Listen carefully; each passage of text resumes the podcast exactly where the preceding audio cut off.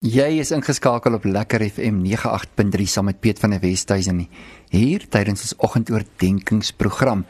En onthou, jy kan weer na hierdie program gaan luister. By ons webwerf kan jy op www.lekkerfm.com klik en daar as jy geklik het daar op die webwerf, dan kan jy gaan na oggendoordenking onder pot gooi. En hierdie week gesels ek met jou oor die groter prentjie. En ek wil vandag ons gedeelte uit die boek van Haggai uitneem. 'n Baie interessante boek in die verloop van die ontwikkeling van die volk van die Here, net so skuins voor Maleagi nadat daardie 400 jaar weer voltooi is waarin God met sy volk werk en praat en gesels en hulle weer by 'n punt bring net voor die openbaring en die vleeswording van Jesus Christus. Ek gesels vandag met jou oor dis tyd Dis tyd vir jou om te sien dat die groter prentjie besig is om vervul te word deur hierdie oomblik en hierdie seisoen waarin jy tans is.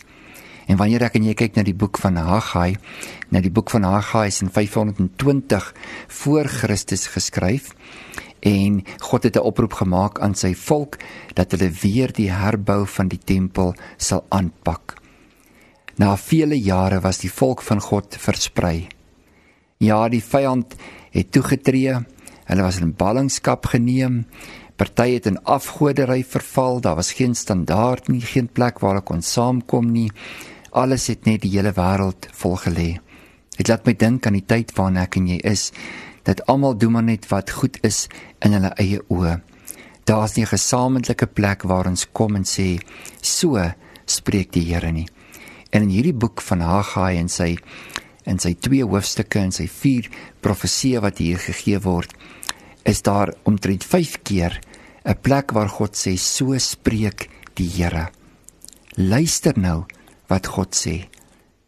En God praat hermalens met sy volk wanneer hy vir hulle sê: "Julle is hier omdat sekere goed nie in plek is nie. En om julle van hierdie plek af verder vorentoe te kan beweeg, is daar iets wat julle in plek moet sit." Nou ek het sommer my Bybel hier so in my hand en ek lees sommer in hierdie tyd saam met jou in die boek van Haggai en ek lees sommer vir ons so uit die tweede vers toe die toe die profeet na die woord van die Here luister en God sê vir hom: "Ja, julle sê dit is nie tyd om die huis van God te bou nie.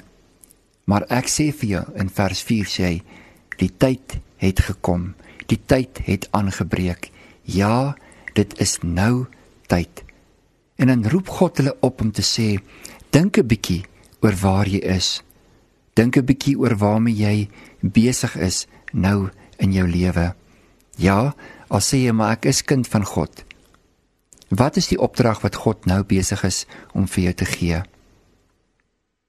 Ek herinner my aan die dae van Samuel, toe hy klein seentjie was in die huis, die tempel, saam met Eli daardie dag toe God hom begin oproep.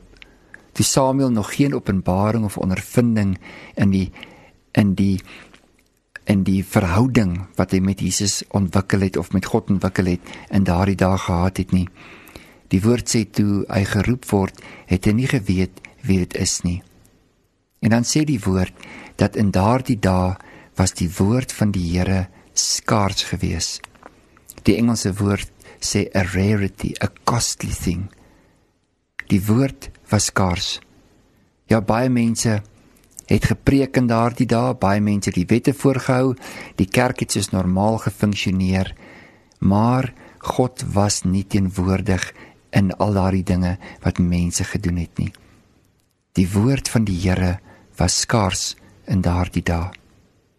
En die woord van die Here kom vandag na my en jou toe wat God sê soos in die boek van Haggai dit het tyd geword om te herbou. Dat ons sal besig wees om te bou aan dit wat naby aan God se hart is. Ja dat sy koninkryk mag kom. Dat ek en jy besig is om te werk aan die beginsels van die stene van die koninkryk van God. So baie mense verlang en begeer om hemel toe te gaan.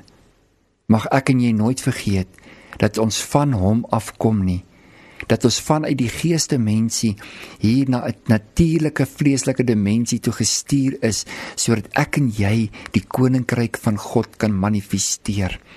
Dit van waar af ek en jy kom, dat ons weer gebore sal wees, dat die vlees nie net op die aarde vasgevang raak in tydelike dinge nie, maar dat ek en jy in die wil van God sal wees, dat ons sal besig wees met die werk van ons Vader hier op aarde in hoofstuk 1 vers 1 tot en met vers 15 kom die oproep om te sê herbou dit waartoe ek jou geroep het.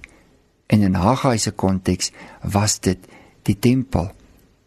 En God praat met die mense en hy sê: "Jong, julle bly in mooi huise. Julle het goed vir julleself gedoen. Die probleem is egter net dat my huis in pyn lê. Die werk wat ek julle gegee het om te doen, is nie volbring nie. Julle is nie besig daarmee nie. En dis hoekom God hulle oproep. Kan ek vandag vir jou vra? Hoe lyk die werk wat God vir jou gegee het? Hoe ver staan jy met die opdrag en die roeping op jou lewe? Het jy ook so besig geraak met jou eie dinge op jou eie plek en jou eie manier en jou eie tyd dat 'n mens dalk nie meer tyd het om te sê Here, wat is dit wat U my geroep het om te wees in hierdie aarde nie. En vandag wil ek u kom vra. Wat is dit waaraan ek herbou? Wat is ek besig om in my lewe te doen? In hoofstuk 2 handel die tema oor oor om braaf te wees. Take courage. Neem moed en vat dit wat ek vir jou gegee het en pak dit vreesloos aan. Moenie bekommerd wees oor oor wat mense sê nie. Doen wat ek vir jou sê. Skep moed. Skep nuwe moed in jou lewe. Jy mag dalk siek wees. Jy mag dalk 'n groot verlies gehad het en jy sê vir my dit voel vir my of my mure op die grond lê. Dit voel vir my of ek 'n pynhoop sien reg rondom my. Daar's geen toekoms nie. Dit voel nie vir my ek het ondersteuning nie. Alles is besig om uitmekaar uit te val. God sê vandag vir jou, kom ek en jy bou nie net aan jou lewe nie, maar my lewe in jou. Kom ons fokus net te weer bietjie op die beginsels en die standaard wat ek in jou lewe vir jou gee om te wees. Kom ons bou weer aan dit wat ek is in jou hoofstuk 2 vers 10 tot en met 19 handel oor om ons lewens so aan te pas om hierdie werk te kan volbring.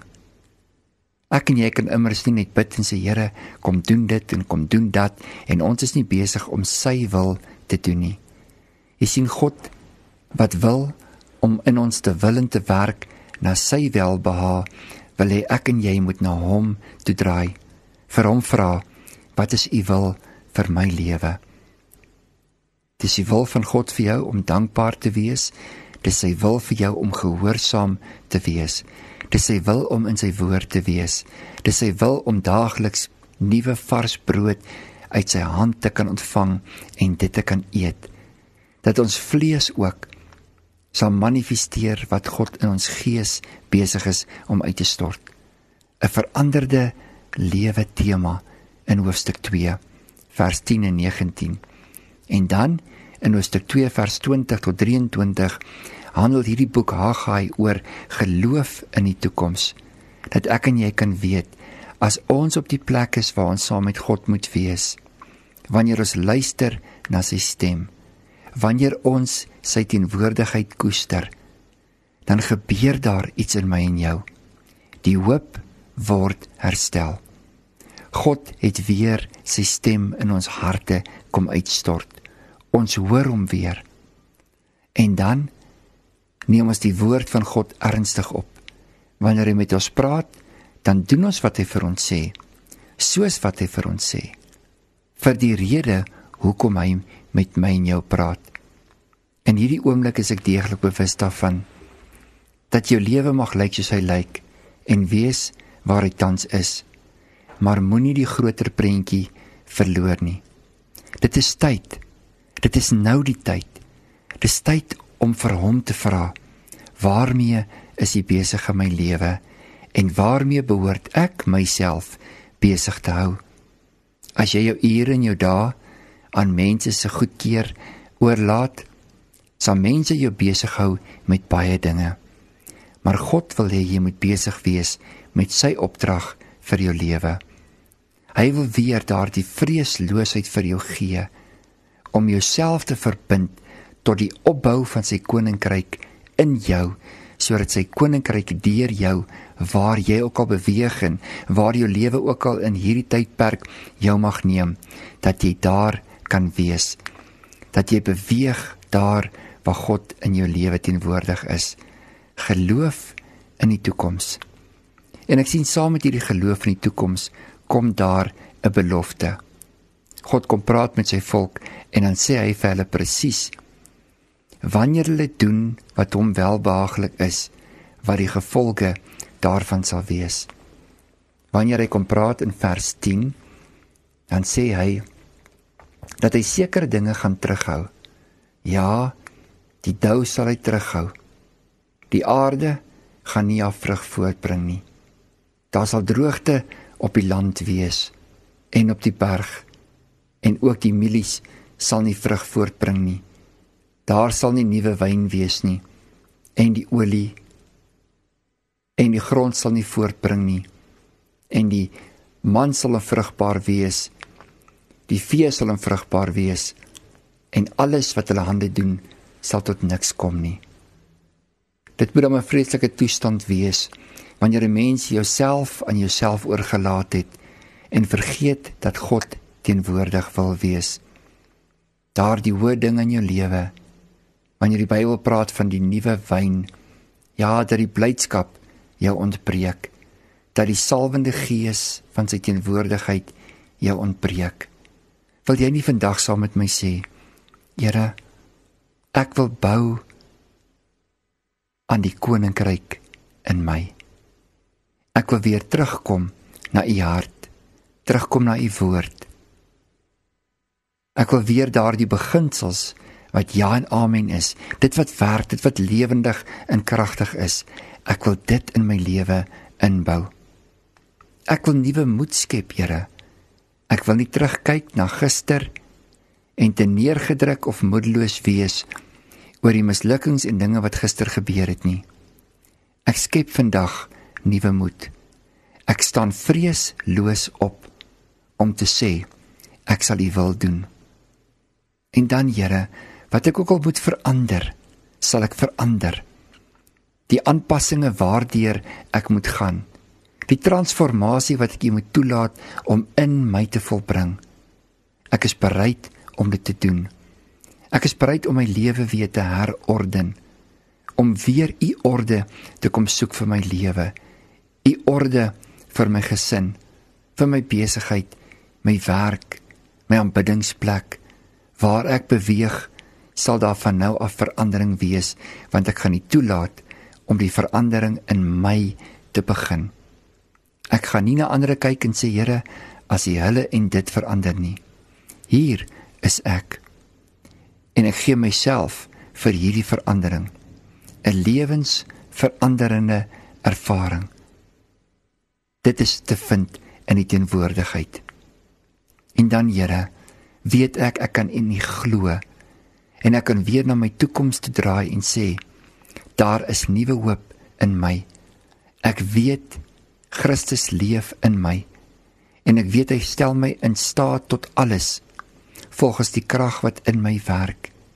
En ek weet wat sy gedagtes in gaande my lewe is, gedagtes van vrede en nie van onheil nie, om my 'n hoopvolle toekoms te gee. En vir daardie rede sal my kinders u naam ook aanroep soos ek u aanroep in hierdie uur en hierdie oomblik. Kom ek in u bid saam. Vader, dankie vir u teenwoordigheid. Dankie dat in hierdie oomblik u met ons is. Dankie dat ek die horlosie van die toekoms in hierdie oomblik kan opwen. Dankie dat ek tyd kan herwin van waar ek vandaan kom omdat ek nou voor U staan en sê Here, hier is ek. Ek meld aan vir diens tot die herbou van die koninkryk in my lewe in Jesus naam. En ek en jy sê amen.